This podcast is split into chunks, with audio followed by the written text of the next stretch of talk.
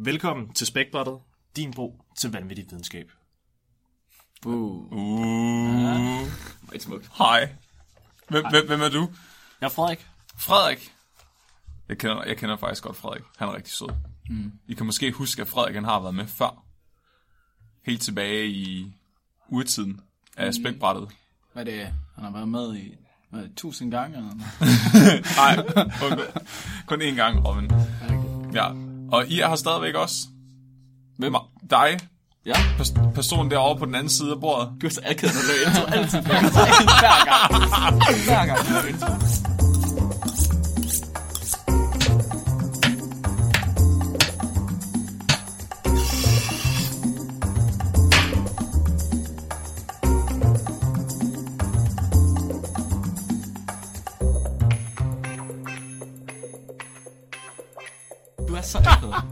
Nej, jeg er ikke. Ja, hej, jeg hedder Mark. Ja. Jeg er med hver gang. Okay, så robot noget af det. Ja, det er altså hver gang. Ja, og I er også med. Altså, ja, stadig. Hvem er det, ja? Det er fordi, jeg er generet. Ja. Der er ingen herinde over os, Flemming. Der er ingen, For der alle hører. lytterne. Ingen kan, ingen kan høre den, jeg hører. Robin er her også. Robin er også Og i her. Flemming er her også. Yes, Og Frederik er her også, og Mark er her også. det er godt. Ja, Hej. Ja. Nå ja, hvad har I lavet i weekenden? Det skal jeg lige huske at spørge om. Det sagde Mark. er det det, du skal... Det var det weekend. Der har været øh, verdensmesterskaber i klatring i weekenden. Wow. Ja, alt muligt form for klatring. Er det på Mount Everest, man har det? Jeg har så også tænkt, hvor højt kan du klatre? Ja, Jamen, det er simpelthen, så finder de øh, verdens højeste væg, og så klatrer de bare op, indtil de kan med. Bliver de bare ved. Jeg har altid tænkt, der var noget ugudeligt over folk, der klatrer. Det er sådan ligesom... Ugudeligt. Ja, det er ligesom øh, i Bibelen, hvor de bygger det der tårn, er det ikke i Babylon, hvor de bygger op til Gud. Jo, jo. Og så Gud han slår dem ned og giver dem forskellige sprog. Det er sådan lidt som om, at det er det, de stadig har gang i, folk der klatrer meget. Ja, altså, så det klatrer, de gør, det er, at de forsøger at, øh, at få djævlen, satan, op til Gud. Uh. Så de trækker ham, det er derfor, de har rebet med. Det er for, at så kan satan øh, kravle op af rebet bagefter, når de er kommet op til Gud. Sådan ligesom jordforbindelsen. Mm. Det render. Ja, Ja. jeg vidste det. Det giver ingen mening. Altså, er, du, er man ikke sådan tæt på døden, når man klatrer og sådan noget? Altså, hvem skal du, be, altså, hvad skal du bevise?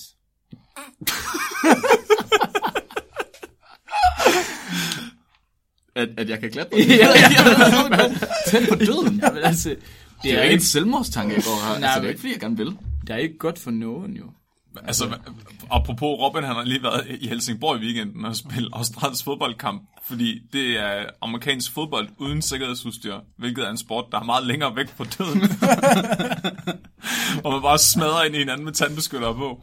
Kæft, mand. Inden vi kører sådan helt af sporet, så synes jeg, vi skal introducere vores gæst ordentligt. Ja. Så i dag, der har vi øh, Frederik Bartoldi Njergaard med os, som også var med i afsnit 2, øh, hvor han var mere en groupie, end han var en gæst. Ja. Ja, der, der, der kom lidt jokes og hister her, men i dag, der har vi ham rigtig med, og Frederik, han har sendt en artikel med. Ja. Så Frederik, øh, først og fremmest, så vil vi godt spørge dig om, hvad er dit forhold til videnskab? Mit forhold til videnskab, mm-hmm. det er, det er objektivt. Mm? Det er sådan set bare det. Okay. Så alle skal kunne komme frem til det samme. Nej, okay. Shit. Ja, det synes jeg er et godt svar. Hold da op. Er det, men det er jo ikke altid godt at være objektiv. Jo, Robin, det er altid godt at være objektiv. Er det det? Ja, hvorfor? Jeg får ret tit at vide, at du må ikke objektificere mig. Og... du skal heller ikke sige det til kvinderne. Det, ja, det kan Det er ikke. noget helt, helt andet, Robin. Når du, øh, når du siger, at hun har store bryster, det må, det må man ikke. Det ikke det samme. Selvom det er en objektiv holdning, det er ikke helt det samme. Nej, det er Nej, ikke Hold op, hvor ser du tyk ud i den kjole. rent objektivt. Altså, objektivitet skal Så Frederik, du, du har taget en artikel med i dag. Hvad skal du snakke om i dag? Øhm, ja, jeg har taget en artikel med. Øhm, den handler lidt omkring øh, med det her, når man skal finde en mage og så videre. Øh, og man sender nogle signaler til hinanden, uden man sådan er ops, ops på det. Okay, ja. Øh, Det tror jeg, Men, Robin øh, gør meget. Det Ja. tror jeg også. men øh, jeg vil sådan set bare lade den hænge der. Ja, det er Jon. Flemming, øh, skal vi gå til dig? Hvad skal du snakke om? Jeg skal snakke om kælereve. Kælerev. Kælereve, ja. Uh, de lyder søde. ja. Og det er en artikel, vi har fået sendt ind af Marks egen kælerev. Magnus. Nå, Min egen kælerev. Ja, Magnus Kaner Jespersen. ja. Mm-hmm. Han ligner også lidt en, en, en fox. En fox. Ja. Foxy Magnus. Robin, hvad skal du snakke om i dag? Altså, jeg har ikke rigtig bestemt mig, hvad, hvad titlen er. Men det er, lad os sige, øh, fra, fra fjerde til høne. Fra fjer til høne. Okay. Uh. Mm. Ja. Skal, skal jeg sige, hvad jeg skal snakke om? Ja, ja. Så skal vi bare starte. Nej, er være med at være så akavet, Mark. Bare hvad du skal snakke om. Jeg skal snakke om anti-Nobelpris-ceremonien. Uh. Og øh, hvordan voodoo-dukker kan afhjælpe øh, uretfærdigheder. Øh, en af de rigtig store ting, vi bruger her på spækbrættet, det er øh, fjollet videnskab. Og vi tager rigtig mange af vores artikler fra øh, det samme sted. Øh, vi bruger en, øh, en, en kilde, som, som allerede har samlet artikler om, om fjollet videnskab for os. Det er Steven. Det er, det er Stephen Douthwaite. Ja. Og Stephen Douthwaite, han har fortalt os om ikke Nobelprisen. Altså stadig IG Nobelprisen. Ja. Og man kunne forestille sig, at det måske var en forkortelse. Det er det ikke. I, ikke Nobelprisen, det kommer af Ignatius ikke Nobel. Og øh, Ignatius, han var øh, medopfinderen af dåsesodavanden. Ja, en, øh, man siger, han er en, øh, en, en distant øh, relative til øh, Alfred Nobel. Ham, det, jeg ved ikke, om I kender ham. Det er ham, der er med dynamitten, og du ved, I ved, den der anden pris, som man også skal få. Og sådan. ja. ja. Han der er svenskeren. Han er, det er ham svenskeren, der Var han det? Er du- Var han ikke nordmand? Jeg kan ikke huske det. Altså, det, han har sådan en anden pris, man også kan få. Who cares? Øh, ja, ja, who cares, gør. Og i fredags, der var der den 28. ikke Nobelpris ceremoni. Altså 2018's ikke Nobelpris ceremoni. Ja. Yes. Så Så det er hvert år, den bliver uddelt. det er hvert år, den bliver uddelt. Hvert år bliver der uddelt 10 Nobelpriser til 10 forskellige felter. 10 ikke Nobelpriser, min fejl. Det er selvfølgelig ikke den anden, der er den der kedelige en, hvor der man får det for god videnskab. Ja. Her der får man det for det, de kalder for improbable research. Altså øh, usandsynlig forskning. Meningen med det her usandsynlige forskning, det er, at man skal få folk til at grine, og så tænke. Det er den eneste, det er det eneste kriterie, der er. Det eneste krav, der er til det forskning her. Få folk til at grine, og så tænke. Det holdes øh, hvert år på Harvard Universitet i Cambridge i USA. Og i år, der var temaet hjertet. Jeg satte mig ned, og jeg har set hele ceremonien for 2018, og jeg kan godt fortælle jer, at det er, det er et shit show. Hvad har- mener du med shit show? Jeg har aldrig oplevet noget lignende. Det er... Okay, forestil jer, forestil jer, at man samler cirka 150 forskere, hvor jeg 50 af dem lige op på scenen, og så holder et show, der varer, hvad var den, to timer, hvor der er musik og indslag og priser, der skal uddeles.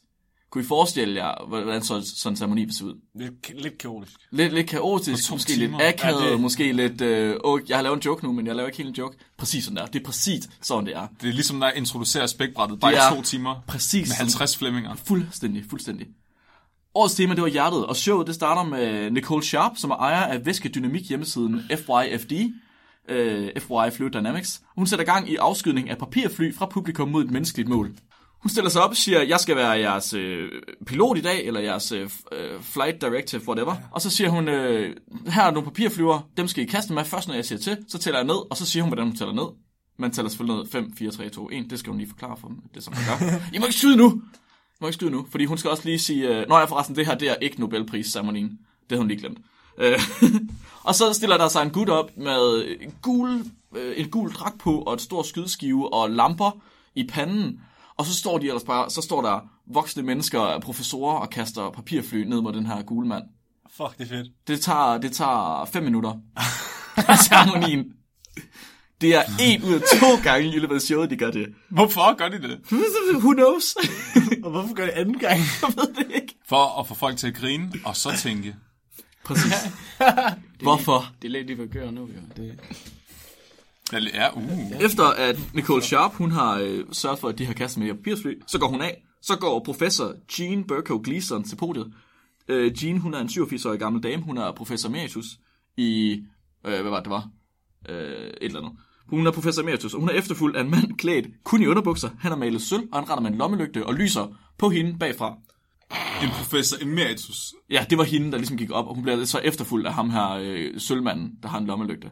Hun går op til podiet, og professor Gleason, hun begynder så på tysk at fortælle om, hvor gerne hun ville øh, være i Berlin dagen efter, øh, formiddagen efter, men at hun ikke kan nå det, fordi hun øh, er i Chicago lige nu, og øh, til det her show her, og hun skal egentlig også være i Edinburgh dagen efter, eller et eller andet. Øh, og så opdager hun så, at hun er i gang med den forkerte tale, og så slår hun over på engelsk, og så laver hun en rigtig tale, som er, Welcome. Welcome. Wow. det er sjovt. Og alle folk klapper.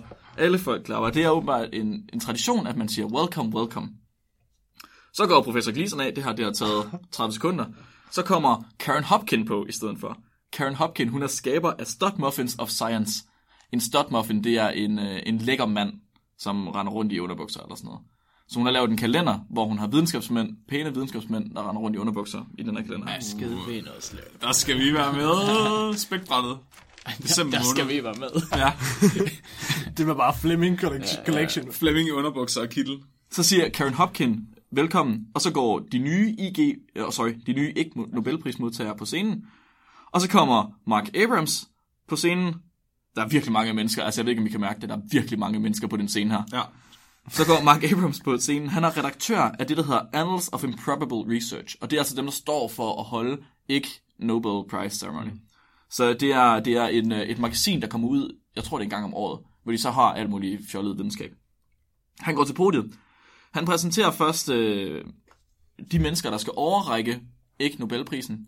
Det er, det er så øh, Nobelprismodtagere, dem der har fået den anden pris der, sådan nogle lidt, den der kedelige pris, som Alfred Nobel han fandt på. Og det er Nobelprismodtagerne fra 01, 07, 16 og 17. Er mo- modtager af Nobelprisen i økonomi og i øh, fred og i fysik, alle mulige forskellige ting. De sidder der og øh, skal overgive øh, priser. og så bagefter så præsenterer han de menneskelige sceneredskaber. Der er de menneskelige lamper, Jim Brett og Katrina Rosenwood. Jim Brett, det var ham, der fulgte efter øh, professor Gleason før. De er begge to klædt kun i undertøj, malet fuldstændig søde og render rundt med en lommelygte og smiler fuldstændig vanvittigt. Life goes. Og jeg vil godt have lov til at sige, det er Dr. Jim Brett, der render rundt i undertøj. Doktor. Så er der de menneskelige gardinstænger. Der er Anne Madam og Maria Elisiva. Der er øh, tweeteren, som jeg ikke fandt ud af, hvad var. Den blev overhovedet ikke brugt i hele showet, men der var en, der hed en tweeter. Der er dommeren, som sørger for, at alle overholder tiden.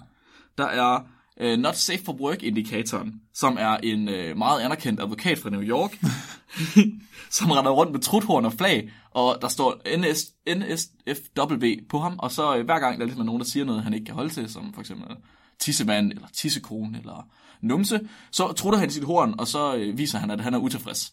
Sådan en skal være i spækbrættet. Nej, det vil ikke være andet bare trut. så er der Miss Sweetie Pooh. Miss Sweetie Pooh, hun er 8 år gammel, og når at nogle af de her øh, ikke Nobelprismodtagere, de går over tid, så begynder hun at råbe, Please stop, I'm bored. Please stop, I'm bored. Please stop, I'm bored. Seriøst? Og hun bliver ved hele vejen igennem, så længe de snakker. det, det, er sådan, det er virkelig cringy at se Altså, sådan. igennem mikrofonen. Oh. Nej, hun står bare og råber på scenen. De er alle sammen oppe på scenen. De er alle, alle de er oppe på scenen. Alle de her mennesker er oppe på scenen, og de sidder på stole oppe på scenen. Jeg tror, der sidder måske 100 mennesker, der har billet nede i, nede i salen. Og så resten der er bare mennesker oppe på scenen, og der er lige så mange mennesker på scenen, som der er nede i salen. Det er for vanvittigt. Og alt imens, så er der et orkester på en 3-4 mand, der sidder i sygehustøj og spiller musik på øh, harmonika og på øh, trothorn og violin og jeg ved ikke hvad. Okay. Præmien, man får for at vinde ikke Nobelprisen, det er en ikke Nobelpris. Og i år, der er en ikke Nobelpris et rødt plastikhjerte med et stetoskop limet fast på hjertet, stående på ben af farvede sten. Præcis som I kunne forestille jer, at det blev lavet i CFO'en, SFO'en hedder det. Øh, SFO'en af et par otteårige. Wow, jeg havde håbet, at det var sådan en guldstatue eller et eller andet. Nej, nej, nej, nej, nej, nej. Det er alt, alt, alt for... Øh... Altså, jeg, jeg, jeg hører bare, jeg ved ikke om jeg, men jeg hører bare, at du siger, det vinder ikke Nobelpris. Ikke? Det kan være, fordi det er på dansk, så kan det være, hvis vi skal sige Ignatius Nobelprisen. Det kan være, det giver mere mening. Nej. Nej, okay, vi siger ikke Nobelprisen. Derudover så vinder man et stykke papir, hvor der står, at man har vundet en ikke Nobelpris. Og man vinder en zimbabwiansk 10 trillion dollar seddel. Som er 5 kroner. Eller. Sikkert. Jesus Kristus, mand. Okay, det er sådan noget den- mensa humor. Så total mensa humor, mand. Og det, er- så kører det her i to timer, og i løbet af de her to timer, der får de uddelt priser. De får råbt af de her øh, ikke Nobelpris modtagere. Der kom hende der med Sweetie Pooh, hun stiller sig op og begynder at råbe det der, please stop, I'm bored. Der kommer dårlige jokes, hvor de, øh, teknikken rammer ind over hinanden. så en, noget, der skal vises op på skærmen, det går ind over den person, der snakker på scenen.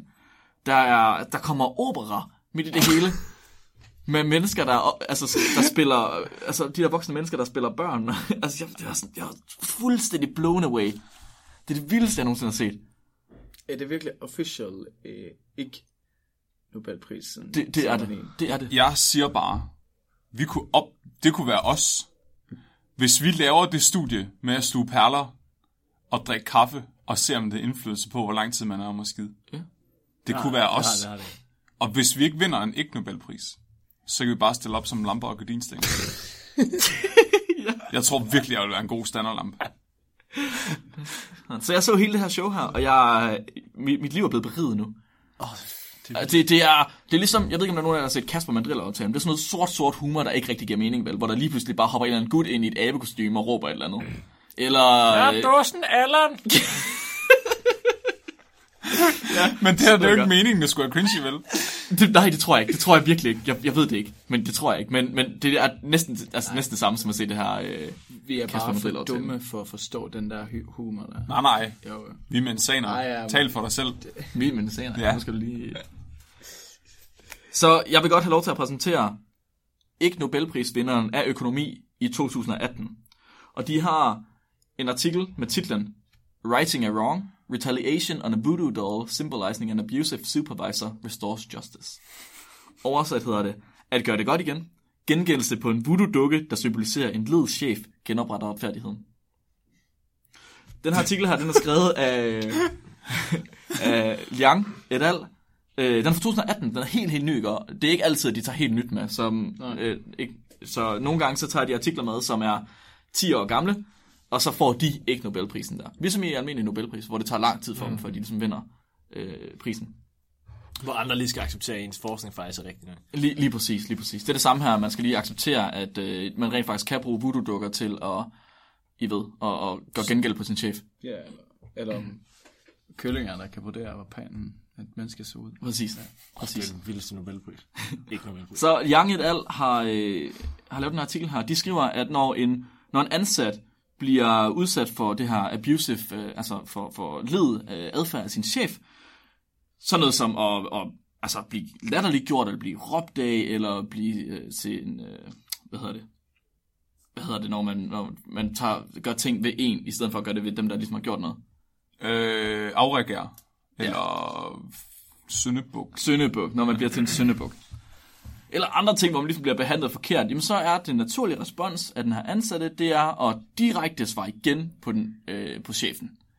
Nogle gange er det voldeligt, nogle gange er det øh, med ord, som man ligesom råber af dem. Men uanset hvad, så er man enige om, at det her, det kan altså, det, det, det, det er ikke nogen god ting. Det er ikke nogen god ting, at man At ligesom råbe sin chef. Ja, det er ikke nogen god ting at svare igen. Det, det går galt som regel. Ja. Det kan gå galt på forskellige måder, ikke? Og man kan blive øh, fyret, for eksempel. Ja. Øh, det, og, og det er det. Man kan blive fyret. Robin? Men så det er ikke godt at råbe, eller hvad sagde du? Jeg Af råber sin chef. Men, men, men du siger ikke noget om at være voldelig? Jo, jo, begge dele. Ja, Okay. Begge dele. Ja. Og svar igen. Det er ikke nogen god idé. Så Robin, du skal til at være sød ved dig selv, hvis du skal være din egen chef. Men samtidig, så selvom hvis man ikke gør noget, så har man også et problem. Fordi når man ikke gør noget og bare lader sig blive beha- altså misbehandlet, jamen så begynder man at få øh, dårligere arbejdsmorale, og I ved, man, man gider ikke komme på arbejde og sådan noget. Jeg ved ikke, om nogensinde har haft en chef, der var led ved jer. Jo, jo. Ja, ja. Hmm. Og så, så, så når chefen den ligesom har råbt af en, så gider man sgu ikke komme på arbejde. Det er bare ikke sjovt den dag. Nogle dage. Mm-mm. Nej. Nej, Vel? det er slet ikke sjovt. Nej. Så det synes de er lidt mærkeligt. Så hvordan kan man gøre det her, hvor man ikke direkte svarer igen mod chefen? Jo, jo, jo, jo, jo. Men man kan bruge voodoo-dukker. Fuck yeah. Hold kæft, mand. Så det er bare sådan en ned, så, så, så, så er man ligesom under hakkeordnen af chefen, ikke? Jo. Så sørger man bare lige for at lave et ekstra led, man kan hakke nedad på. Præcis, præcis. Det er afre- afre- afreaktion. Catharsis. Catharsis. Hvor, hvor, hvor stammer voodoo-dukkerne egentlig fra? Det stammer fra øh, Jamaica i øh, 1867, hvor øh, Erik øh, Gunnarsen, han øh, syede sin egen dukke, og så, da han så gav det til en voodoo-mand, så fandt han ud af, at det var, at det gjorde sgu ondt lige pludselig i øjet, og så er det fordi voodoo-manden han bare stod og prikken i øjet. Fuck, det er sygt. Ja. Du har sådan altså enorm mængde paratviden. jeg ved det godt. jeg ved bare, at alting er det ikke imponerende. Så de vil også godt lige have lov til at sige, at deres arbejde, det bidrager med rigtig meget til litteraturen. Det bidrager både med ting til litteraturen, og så bidrager det også med læsning til litteraturen. Og derudover så kan man også øh, læse mere i litteraturen på grund af deres arbejde. Så hvis man skulle være i tvivl, så deres arbejde, Liang et al, det gør, at man kan læse mere i litteraturen. Det vil de godt bare lige have lov til at sige en otte gange. Altså siger de det i til ceremonien. Ja, ja, ja, de skal... Nej, ja, det gør de ikke. Det gør de ikke. Det gør de i artiklen. Det gør I cer- til ceremonien havde de alle sammen voodoo-dukker med, som de så Nej. stod og prikkede med nåle. Det er min chef. Er det ja. Og hende, der ligesom øh, tog prisen, hun stod der med sin tidligere chef, som det var, som var den, hun havde lavet forskning med, og stod og fortalte om, hvordan han bare havde været en stor inspiration for hende i det her forsøg, hvor man havde sine chefer. Så det var meget smart. Og øh, ja, skal vi... Lad os, lad os, sgu- lad os, sgu- Fuck, det var cringe. Det er fandme mærkeligt, der. Så måden, de gør det på, ikke? Det er, at de får en masse øh, frivillige ind. 225 eller sådan noget. 225 frivillige personer. Og så stiller de fem ord op for dem. De her fem ord, det er øh, ord, som man tidligere har anerkendt, som om, at det her, det repræsenterer uretfærdighed. Det er sådan noget som unequal. Øh, det er sådan noget som, hvad fanden er det ellers? Wrong, unfair, unjust, violated. Sådan ord. Når man så har stillet de her ord op, så fjerner man et eller to eller tre bogstaver frem, så det ligesom er blanke. Og så på den måde, så skal de her frivillige her udfylde ordet. Og når de udfylder ordet, så kan de udfylde det, for eksempel ved unusual. Så kan man fjerne øh, U og S, som har on, og så UL. Så kan man sige unequal eller unusual. Ja, mm. og unequal, det betyder, at det er uretfærdigt ord, og unusual, det er et neutralt ord. Det forbinder man ikke med uretfærdighed. Så alt efter, hvordan man afslutter ordet, så har man afsluttet det som et uretfærdigt ord, eller som et neutralt ord. Mm-hmm. Og der laver de øh, et, et pilotforsøg, hvor de har en masse frivillige inden, og så skal de, øh, som en baseline, så skal de udfylde de her ord her, så skal de gøre det 50% øh, neutralt og 50% uretfærdigt. Right? Så man skal ligesom se, hvad, hvad ligger vi på til at starte med. Sørg for, at de ikke har et bias, så de kommer til at udfylde ordet uretfærdigt, eller kommer til at udfylde ordet neutralt altid. Ja. Så det får de gjort, at de får lavet sådan fem ord. Så tager de øh, nogle nye øh, mennesker ind. Åh oh ja, og det skal lige siges, at øh, de her mennesker her, dem har de fundet på øh, MTurk, som er sådan en form for øh, universitet, tror jeg det er. Og øh, de første i pilotforsøget, de får en quarter, altså 25 cent, for at være med. Deres nye mennesker, de får med. Oh, we, rec- we recruited a participant from Amazon's MTurk. Oh fuck, de har brugt Craigslist til det. de har brugt for Craigslist til det. Nej, hvor er det sindssygt, mand. Nå, de andre, de har fået med, de får en hel dollar. Uh. Øh, og de får øh, ECTS for det, altså credit. Og Ja, de får en halv credit for, det, for at være med. hvad kan man bruge det til? ved jeg ikke. Hvis de med nok forsøg får din bachelor til sidst. Jeg ved ikke, hvad det svarer til. Nå, men så har de delt dem op, ikke? Så har de øh, sagt til de her mennesker her, at de skal, de skal sætte sig ind i et rum. Og så skal de øh, genkalde sig en situation, hvor deres chef har været led over for dem. Så en situation, hvor han har stået med spanskere og slået dem i, i, i numsen, fordi det gør man jo, når ens medarbejder er led, eller ikke er ordentlig. Eller hvor de har skældt dem ud, fordi at de har fyldt flaskeautomaten forkert. Ja. ja. Så det skal de huske tilbage på, og de får ikke at vide, hvor, hvor lang tid det skal gå, fordi det kan være, at der tager længere tid. At det er ikke sikkert, at det er så hyppigt, at man har en chef, der ligesom er led mod en. Så de skal, de skal sørge for, at de ligesom kan få, få fat det hele her. Så inden de øh, får lov til at udfylde de her ord her, så skal de enten så skal de bruge en online voodoo-dukke i et minut, hvor de stikker Online voodoo-dukke. Jeg vidste bare, du ville sætte det, Flemming. Online voodoo-dukke. Nu fucker du af. Så er det ikke en voodoo-dukke. Prøv høre her. En voodoo-dukke. Alle ved, en voodoo-dukke skal have hår fra den person. Det er, faktisk- det er rigtigt. Ja. Det skal den ikke have, Flemming. Så de har skulle bruge den her online voodoo-dukke, og jeg har linket til den her online voodoo-dukke. Det er www.dumb.com voodoo doll. Fuck, det er fedt. Og jeg har været inde på den her hjemmeside her, og det er, det er lige så meget et shit show som ikke Nobelpris-ceremonien. Fuck man, så er der en eller anden sindssyg uh, musik, der kører i baggrunden, og så hver gang man stikker den, så lyder det som om den græder, så får den lidt tår i øjnene, og så øh, kommer der, altså så sidder nålen enten fast. Man kan også bruge, øh, hvad hedder det? Et- Nej, man kan, man kan bruge øh, et, et lys med ild i. Nej. Jo, så man kan brænde den, og så kommer der sod, der hvor man brænder den. Eller man kan bruge sådan skævbider, altså sådan tang, så kan man klippe den, og så kommer der sådan to sorte streger, som så betyder, at man har klippet den. Så kan man give den et navn, så man kan sætte et navn på den, og så kan man, det skal så være initialerne på ens chef, for dem, der ligesom skal have lov til at gøre gengæld, og så skal de bruge den i et minut, hvor de bare sidder og prikker på den. Og dem, der så ikke måtte gøre gengæld, så de, blev også, de skulle også huske, at de var blevet skældt ud, men de måtte ikke gøre gengæld. De måtte ikke skrive noget navn, og så skulle de sidde med musen, og så skulle de tegne, altså uden om voodoo-dukken, bare følge musen, uden om voodoo-dukken, i det her minut. Sådan så de får udelukket, at det er at interagere med hjemmesiden. Så interagerer de nemlig ikke, altså så sidder de nemlig ikke og prikker den og stikker ja. den og gør ondt ved den, vel? Jeg har lyst til at høre de der lyde. Kan vi, kan vi få det ind i mikrofonen? Ja, det kan vi godt. Det der musik der. Det kan vi godt. Så vi kan det. Nu bliver det fra øh, computeren i mikrofonen, ellers så må vi lige klippe det ind. Det kan være, at jeg skal, jeg skal bruge den hjemmeside. Nej. Nu, Det er sådan nu, en rigtig voodoo-musik. jeg håber, at den kan høre det. Nu ja. kalder vi den Ulrik. Og Nej, nej, jeg har, Prøv jeg har Flemming. Robin Hein. Hvad har jeg hvordan kalder den Robin? har ML. Er det din chef, Robin? Ja, det er også alle sammen Og chef. så, nu tager jeg fat i lyset.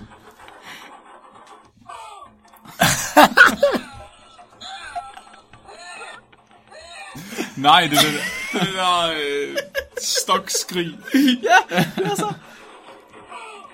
Ja, det er det samme. Nej, nu kan jeg ikke holde til mere. Stop, stop, stop, stop. Nå ja, og på et tidspunkt, så øh, kommer der også sådan nogle øh, ringe rundt om hovedet på den, som om den er sådan helt forvirret, sådan, øh, sådan tegnefilmsagtigt. Hvor længe blev brugt på den? Hele aften i går. Hvad har du skrevet navn på? ja, ja, ja. Flemming og Robin, og mor og far. Wow. Morfar. Men er det, må man ikke det? Er det skidt? Jeg havde lidt ondt i ryggen i går, faktisk. Nå, det kan være derfor. Ja. Jeg brændte jeres fødder som regel. Ved I, hvad de finder ud af? De finder kraftet med ud af, at det virker. Nej, De finder ud af, at det virker. Er det ikke for sindssygt? Den der online voodoo virker. Den virker. Har de selv lavet online voodoo Nej, nej, nej, nej. Det er den her dom, dom, dom.com, der har alle mulige sindssyge flash-ting fra 90'erne. Så de har ikke selv lavet den, de har bare fundet den. Det er god reklame det for er dem. Er det ikke fucking vanvittigt, mand? De finder simpelthen ud af, at hvis man bliver skilt ud, og så man ikke får lov til at prikke til en dukke, så afslutter man oftere ord som uretfærdige. Hmm, giver det mening? Online dukke, Mark. Online dukke. Ja, jeg ved det. Jeg ved det. det er en online dukke. Hold kæft, mand. De har ikke engang givet mig en rigtig dukke. Hvad fuck sker der? De er jo nødt til at udskifte den hele tiden, hvis de bare voldtager den. Jo, men så kunne de sgu da lave et par stykker. Okay, Ja. okay de havde faktisk over 200 mennesker med. Det er ret mange dukker, man skal have lavet. Bare ned i 10. Og de havde allerede, så de havde allerede givet dem en dollar per, per mand. Ja. Right? Så det er 200 dollars, Eller de skulle smide der. Eller en quarter. Det er ret mange penge, de har smidt i det. Og ikke nok med det, så øh, de gør det to gange, og med to forskellige grupper. Okay. Okay. Så en af dem er studerende, det andet er mennesker mellem 25 og 45. Og ved de studerende finder de kraft ud af det samme. Hvis man bliver skældt ud, uden at få lov til at prikke til en dukke, så afslutter man ofte ord som retfærdigt. det er fandme mærkeligt. Er det ikke fucking Det er mærkeligt? sindssygt. Hvordan kan man gøre det med en online dukke? Men er det mere bare sådan en respons på, at man får lov at afreagere? Det jamen, det, jeg. jamen, det tror jeg. Det tror jeg. Men Det det, er det er catharsis, og ja. catharsis, det har man jo tidligere fundet ud af, egentlig ikke rigtig virker. Det er meget subjektiv ting. Ja, men de, får, de, hvad siger man, forbyder de andre at ikke afreagere. De skal bare sidde der og... Ja, og- præcis. og- Ja, de får nemlig ikke lov til at afreagere. Så det er derfor, de er sådan, åh, pent op. Ellers så så ville det måske... de var sådan, okay, det her er uretfærdigt, unequal. Og Hvad, nu, violate. hvad, prøvede de også at få nogen til at sidde og køre rundt med musen, uden de skulle tænke på deres chef først? Ja, Nej, det er uretfærdigt, fordi de ikke må røre voodoo dukken. ja. ja, det er derfor, de er sure. Jeg vil også lege. Jeg vil også gerne have den til at brænde. Ja. Men ja, det gør de. Det gør de. Så øh, der er også nogen, der ikke skal tænke på deres chef. De skal bare sidde og køre mus rundt med den voodoo for ikke at vide, hvorfor. Sådan, sådan øh, okay, fandme mærkeligt. Hvorfor den her bongo-musik i baggrunden? Altså, Hvorfor den online? hvorfor den online? Har ikke Hvor- voodoo Prøv at tænke på at komme ind til det studie. Øh, du får en dollar, hvis du sidder og kører musen rundt om den her dukke, og så bagefter afslutter de her ord. Det er for sindssygt, mand. Hold kæft, mand. Så konklusionen øh, for ikke Nobelprismodtagerne i økonomi 2018, det er, at hvis du bliver sur på din chef, så skal du bare have en voodoo-dukke med. Nå nej, du skal gå ind på hjemmesiden www.dom.com voodoo og så skal du prikke på den en minut. Så øh, apropos dyr og mennesker, der godt kan lide dyr, så skal jeg snakke om øh, ræve. Og helt specifikt, så skal jeg snakke om tamme kæleræve fra Sibirien. Og det hele det starter tilbage for 60 år siden med Dmitri Belyavev, et eller andet russisk. Dejlig mand. Ja, Dimitri. tvivl om det. Dimitri. Han var ja. zoolog i, Han var zoolog. øh, i Sovjetunionen. Og øh, det var et rigtig træls tidspunkt at være øh, zoolog. Det er der slet ingen tvivl om. Især et rigtig træls sted at være det, fordi i Sovjetunionen dengang, der troede man ikke på genetik. Der var en øh, Lysenko. Har du nogensinde hørt om Lysenko? Nej, tror jeg. Nej, det havde jeg heller ikke før for en time siden. Er det en, er det en musiker? Nej, han Hvorfor var... spørger du så, om vi har hørt ham? wow. Der er ikke nogen, der har hørt om musikere. Kun gulddrenge. musikere. Ja, men øh, i den her periode, der vil ha- øh, Dimitri han ville rigtig gerne vide, hvad det var for nogle øh, ting, der havde gjort, at ulve var blevet til hunde. Altså, hvad er det der? Er det nogle bestemte gener, som har gjort, at de her ulve er blevet tamme og kan lide mennesker. Mm. Og så tænkte han, den bedste måde, jeg kan finde ud af de her tidlige stadier på, det er simpelthen ved at tage et dyr, der er vildt, og gøre det tamt. Indavle det, indtil at øh, du får tamme dyr, ikke? Ja. Men der var ham her Lysenko dengang for 60 år siden, som øh, faktisk havde en, altså han, han var, jeg, han var øh, videnskabsmand, og øh, Stalin kunne virkelig godt lide ham. Fordi han sagde, genetik, det findes ikke. Det, øh, øh, hvad hedder det, Mendeleev, er det ikke det, han hed ham der? Jo, Jo. Men, jo han øh, tog fejl. Der, du kan ikke øh, afle ting frem og tilbage og så videre. Det er klart. Han, mente, han havde mere sådan en teori om, at øh, ting kunne transformere øh, i løbet af dets levetid. Via dens livsenergi, som så blev omdannet til, i, altså ud af dens chakra. Altså, det, det kommer man ikke... Jeg har ikke, så meget har jeg ikke læst om det, men jeg, han påstod i hvert fald, at øh, ro kunne transformere sig ind til hvede, og hvede kunne transformere sig ind til, øh, hvad hedder det, barley? Øh, byg? Ja, byg, ja. Nej. Ukrudt kunne transformere sig ind til øh, madkorn og så videre.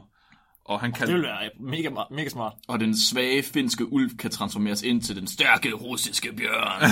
ja, og, og, og det var så... Øh, han kaldte det Natural Corporation. ja. hvilket var en kommunistisk udgave af Natural Selection. Mm-hmm, så de kunne ikke, altså, Sovjetunionen kunne ikke lide ideen om naturlig selektion, fordi den var ligesom til grundlag fra den hele liberale idé om, at man er sin egen lykkes og så videre. Hvor Sovjetunionen, de var kommunister, så de ville gerne have, at alle er lige, og alle kan hjælpe hinanden. Ja. Så det er derfor, de bedre kunne lide den her idé om, at naturen ligesom hjælper sig selv ved at transformere og sådan noget. Så genetik passer ikke særlig godt ind i, fordi så kunne du sige, om jeg har nogle dårlige gener, så jeg kan ikke jeg skal, ikke, jeg skal have flere penge, eller sådan noget. Mm, selvfølgelig. Ja. Alle skulle have det samme, ikke? fordi alle er ens. Og det, var- det var rigtig træls, at Stalin godt kunne lide ham. Fordi Stalin, han var, øh, han var sådan en, der fik gjort ting. han var ikke bare sådan en, der snakkede om at gøre ting. Så øh, han fik fyret over 3.000 mainstream biologer. Altså biologer, som troede på af rigtig genetik. Og han fik da henrettet nogle af dem. For, at, for at... Og sætte et eksempel. What? Ja. Og de gjorde øh, research i gener ulovlig, og de slettede deres research. Wow. Ja. Ej, det er sindssygt. Og ved I hvad? Det her, den, det kaldes lysenkonismen, og den sluttede først officielt i 1964. What? Nej. Ja. Hold. Hold, hold, hold, hold. Ja. Jeg tænker, at noget, at noget ligner det, vi skal om et par, par år. Ja. hvor, uh, hvor Flat Earth Society vil henrette alle globers. Altså. Tror du ikke, det, er, det bliver Trump, der sender droneangreb afsted mod... Øh, Mount Everest. Ja. ja, alle de der... Alle forrest. Nu skal jorden være flad.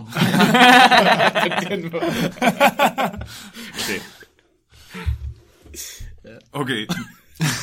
Men Dimitri, han var, øh, han var ret heldig i det her indseende, fordi øh, han øh, var i den del af Rusland, der hedder Sibirien. Og Sibirien, det er pænt stort. Jeg skulle sige, Det er ret svært at finde nogen i Sibirien. Sibirien udgør 77% af Ruslands landmasse. Og Rusland er temmelig stort. For at give øh, øh, der bor 36 millioner mennesker i Sibirien. Men arealet er så stort, at det svarer til, at der er tre indbyggere per kvadratkilometer. For at give noget at sammenligne med, så er der altså 131 personer per kvadratkilometer i Danmark. Og 6.800 personer per kvadratkilometer i København. Hold da op. Hold da op. Sibirien, det er tre personer per kvadratkilometer. Det er meget, meget få mennesker. Ja. Så han kunne godt, han, godt, øh, han slap lidt afsted med det, han rendte og lavede derovre. Verdens bedste sted at lege gemmeleg. Ja. Så han, han fortsætter altså med, med sin, øh, hvad hedder det, heresy, Ja. og øh, han begyndte at avle på de her ræve for 60 år siden. Og det første, han gjorde, det var, at han tog ud på nogle rævefarme. Fordi han tænkte, okay, det har taget, flere tu- det har taget 10.000 år eller sådan noget at få hunden. Så vi må godt lige få et head start, så de tog ud på rævefarme, hvor at de så kunne vælge nogle ræve, der allerede havde traits af at være venlige imod mennesker, ikke? Mm. Så de, i stedet for at gå ud i naturen bare fange nogen og starte for det, så havde de allerede et lille forspring, fordi de kunne allerede selektere blandt tusindvis af ræve og vælge dem, der var mest venlige. Mm. Og så begyndte de bare at avle på dem. Og så lavede de det her system, hvor øh, de klassificerede rævene efter, hvor venlige det var imod mennesker. Så det laveste, det var klasse 3. Det var øh, ræve, der stak af fra forskerne, og som bed dem, når de blev øh, kælet med. De, det var klasse 3. Mm. Klasse 2, det var, når de gav folk lov til at røre ved dem, men at de ikke udviste nogen øh, emotionelt respons at de kunne lide det. Mm. Men de, de fandt sig i det, ikke? Det er ligesom, øh, øh, hvad hedder det, vores kærester. jeg tror, du skal sige katte. Ja. Så øh, klasse 1, klasse 1, de, de udviser øh, venligstemthed over for forskerne. Det vil sige, at de sådan laver lyde og lover med halen, og sådan, de sådan giver øh, udtryk for, at de godt kan lide menneskerne. Okay, så ligesom kærester med Stockholm-syndrom. Ja, Ja. ja. Det er nyforelskelsen. Det er de første 14 ah, dage af parforholdet. Ja. ja. Altså, det er jo bare kæledyr generelt. Det er jo et Stockholm-syndrom. Men jeg tror, det er det Flemming, han skal fortælle om. Bortset fra, at det skal hedde Sibirien-syndrom for, øh, Sibirien-syndrom. for, for revne. Ja. Så øh, klasse 3, de kan ikke lide dig. Klasse 2 tolererer dig. Klasse 1, de kan godt lide dig. Jeg er ret sikker på, at det er ligesom øh, at tage ud og date, bortset fra, at klasse 1 ikke findes. Ja, Ja, ja. Det tror jeg, du har ret i. det, det er ikke. Han lyver, fordi jeg så dig i fredags, Mark. Stud. Og, og apropos, så var Hvor det, siger, de tolererer en. Du er i min, i min radius inden for 10 meter. Det er okay, så kan, det kan du godt. Altså, men ikke tættere på. Det Du skal ikke røre er for meget. Nej. Okay, og det går faktisk... Øh, det gik faktisk ret godt, det her eksperiment. Så efter 6. generation af ræve, så havde de faktisk gjort dem så tamme, at de var nødt til at lave en klasse over klasse 1. Hold da. Som de kaldte klasse 1E for elite ræve. Oh, okay, ikke klasse 0. Nej. Hvad, hvad, hvor lang tid tager det at, at avle sådan en rev? Uha. Jeg skulle lige spørge om samme. Ja. Jeg Hvor er lang tid faktisk er seks generationer? Det er et godt spørgsmål. Jeg tror ikke, at de bliver... Det er Øh, fem år, seks år eller sådan noget, tænker jeg. ja, jeg tror, en 6 år, det er en gammel rev. Det tror jeg. Det må være... Altså, de er canines, ikke? Så de er tæt beslægtet med hunden, og hunden, Ja. ja. de bliver 10 år eller sådan noget. I gennemsnit. Ja.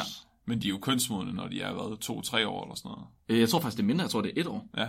Nå, det Så, er vildt. så du kan, jeg tænker, hvis de virkelig bare har presset øh, livmoren på de der ræve der, altså, så er det kunne spytte det kul ud om året, ikke? Men øh, det tænker jeg, det har de heller ikke lyst til, fordi de skal lige nå at se, om de bliver ved med at være tamme, når de ikke længere er valpe. Ja, okay. Så, men det er ikke så lang tid igen, kan man sige.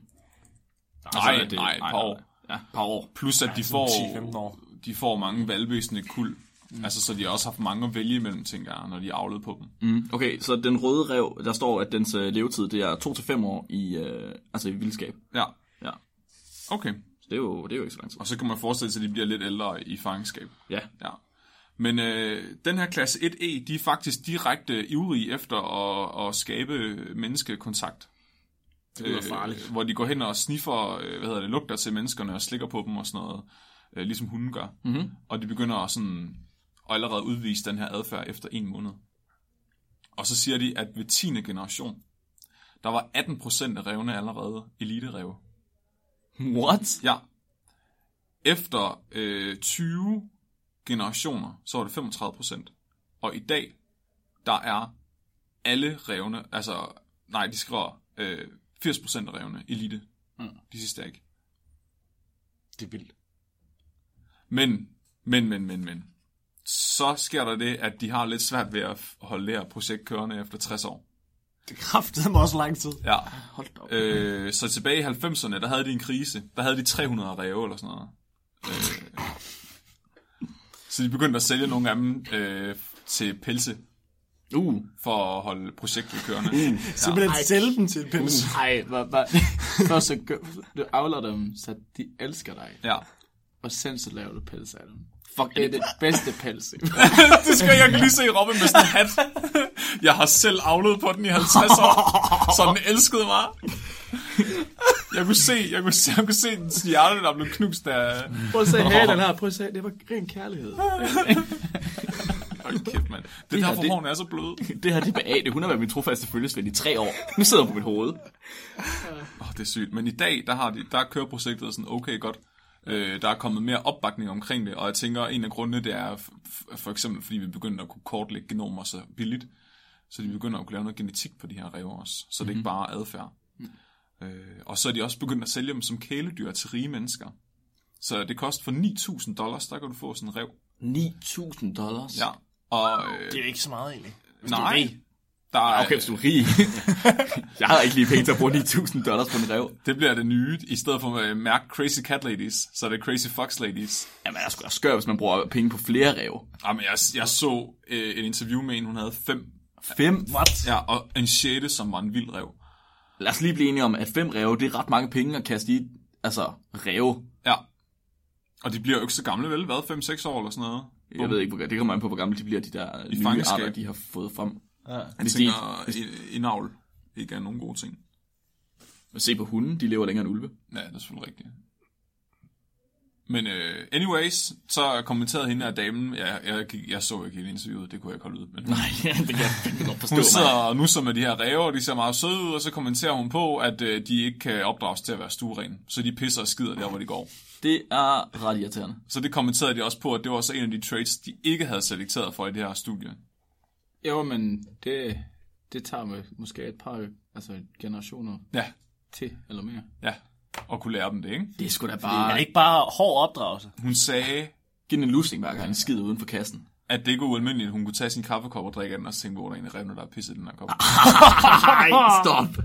Og så tænkte hun, at jeg skal have fem af dem. Det er jo lækkert. Nej, og vi er ikke enige om revpis. Altså, der er en grund til, at man kalder det, at det du- lugter lige så rent som revpis. Jo. Eller smager revpis. Det, det, det, lugter ikke særlig godt. Nej, nej. Hvordan, hvordan, hvordan kan hun ikke... Hvordan kan hun tage kaffekop op til munden, og så først der tænke...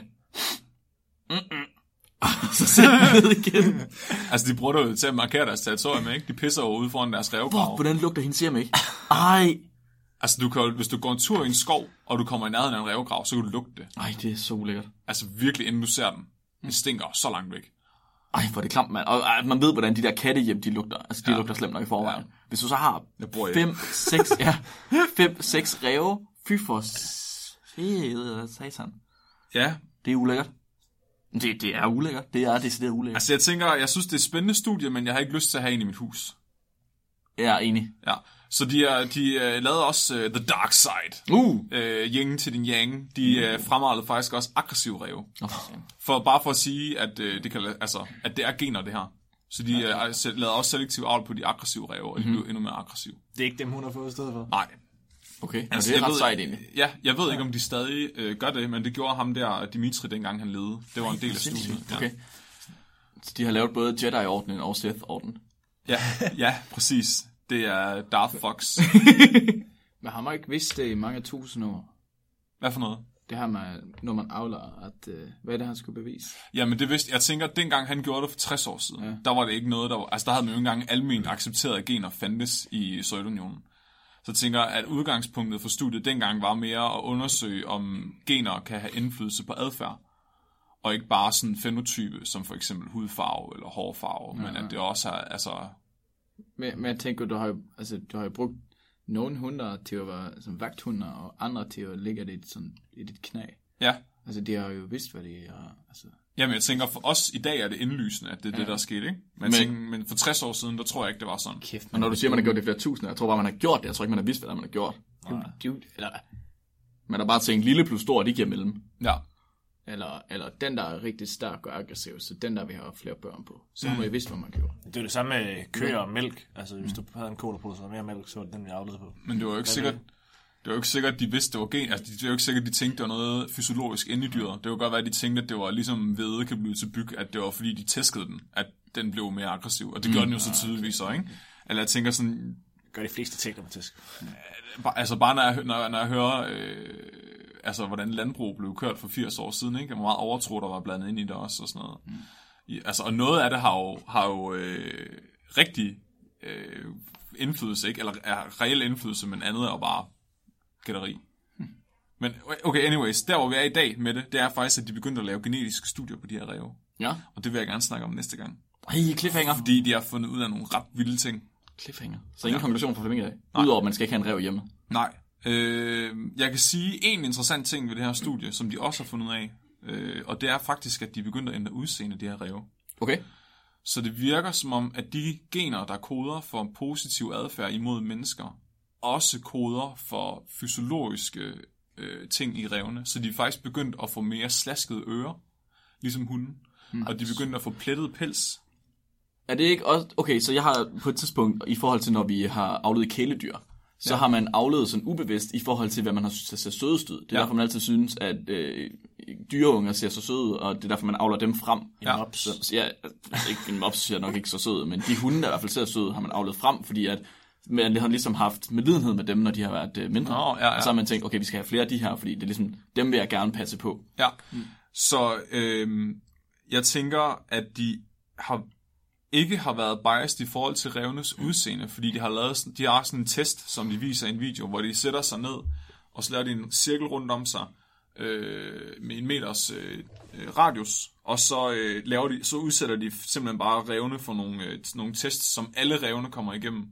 Og hvis de består den test, så kan de rykke op i rank. Okay. Og så, øh, de har ikke, øh, jeg tænker ikke, de har været så biased, men det er selvfølgelig en mulighed.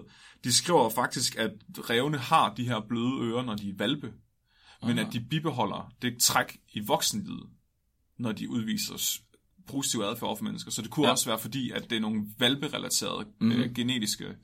At, at, altså, du mener, at de sådan stadigvæk er infantiler Ja, i hovedet? Mm. Mhm. Ja, ja. Eller? Jamen, at, Infantil i sådan, at det stadig ikke er børn, jo. At de, Du får det til at lyde, som om de er mentalt handicappede. ja, men ja, det var det. de er også er rigtig søde, mentalt handicappede. Ja. Har du tænkt over det? Ja. Jamen, det er det da. Det er der ingen Du er også sød. En, karik en karika- karikatur af Nobelprisen siger nogen. Øh, Kapitalen til spækbrættets støttepille, siger andre. Altså den øh, usmykkede søjlehoved på den pylon, som holder jeres bro til vanvidenskab, vanvittig videnskab kørende. Men jeg vælger at sige sådan her at IG Nobelprisen er pladsen for hardcore science. En, triumf, en triumfbue for ægte nysgerrighed. Og med det sagt, vil jeg gerne præsentere for jer det allerførste afsnit af dokumentarserien Fra fjer til høne. En historisk udflugt til innovationens knogleværv. Hostet af ingen mindre end mig selv. Ved ni, hvem, øh, hvem der fik øh, ikke Nobelprisen i biologi 2006? Jong Won Chong. Oh, det, Rude Jong. Oj, oj! Eller var det universitetet? Nej, det var det. Tom Ping Pong. Ja. Okay. Øh, det var noget med... Ja, malaria. Han, han, øh, mm. han søgte på mosquitoes, myg. Så på daværende tidspunkt var det allerede kendt, at øh, myg de, sådan, de var attraheret til, til kul, koldioxid. Altså det vi andes ud. Mm. Og, men så gjorde de så øh, tester alligevel. Nu fortæller jeg bare lidt hurtigt om øh, forsøget her. Fordi de vil sådan observere myggens opførsel øh, gentemod øh, altså mennesker. Altså, hvad, det, hvad er det, hvor sidder myggen henne? Og, Mm. og der opdagede man så, at øh, øh, myggen havde mere lyst til, til voksne mennesker, end hvad de havde lyst til børn.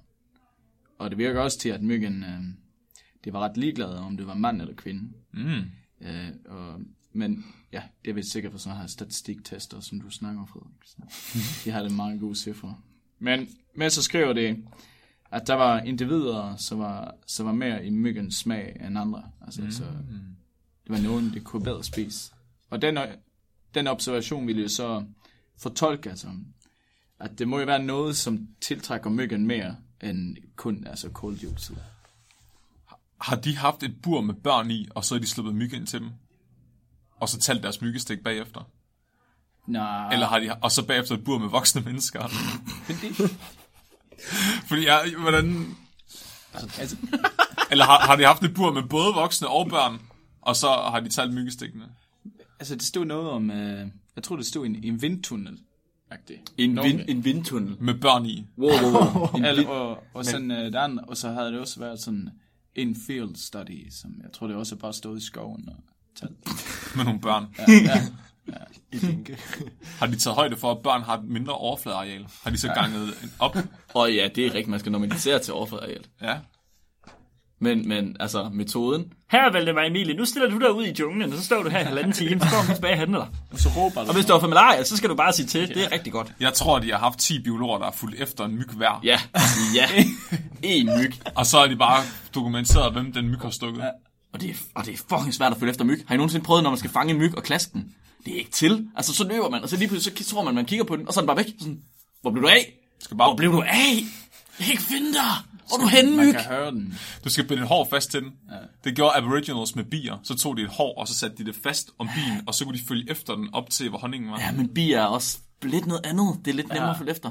Myg, de forsvinder sådan der. Lige snart du bliver stukket, så er de væk. Ja, det er rigtigt. Lige så snart du er blevet stukket, så er de væk. Du har bare ikke fulgt nok, nok efter bier. Det har jeg nok det er ikke. Jeg er ikke ekspert i det endnu. Vi er her. Undskyld, Robin. Ja, nej, nej, det gør ikke noget. Jeg taler bare. Ja. Jeg lytter også. Ja. Men det blev også sagt, foruden alt det der, så blev også sagt, at når det var vindstille, ikke, så foretræk myggen at bide omkring fødder og ankler. Men, hvad gør man så? Men efter at man vaskede fødderne med en duftfri sæbe og, dræbt bakterier med triklor 2 hydroxidphenylater, Det lyder dejligt. så, så stoppede man, øh, så stopper det med at foretrække fødderne og, og ankler. Så, så, så var det sådan godt lige så, det var spredt over hele kroppen, hvis du vasker fødderne. Og hvis du ikke vasker fødderne, så var det fleste myg ved, øh, ved ankler. What? Det er fandme vildt. Har alle de her forsøgspersoner været nøgne? Altså, de har i hvert fald ikke Ja. haft sokker på. Ja, det var den nøgne. Sygt.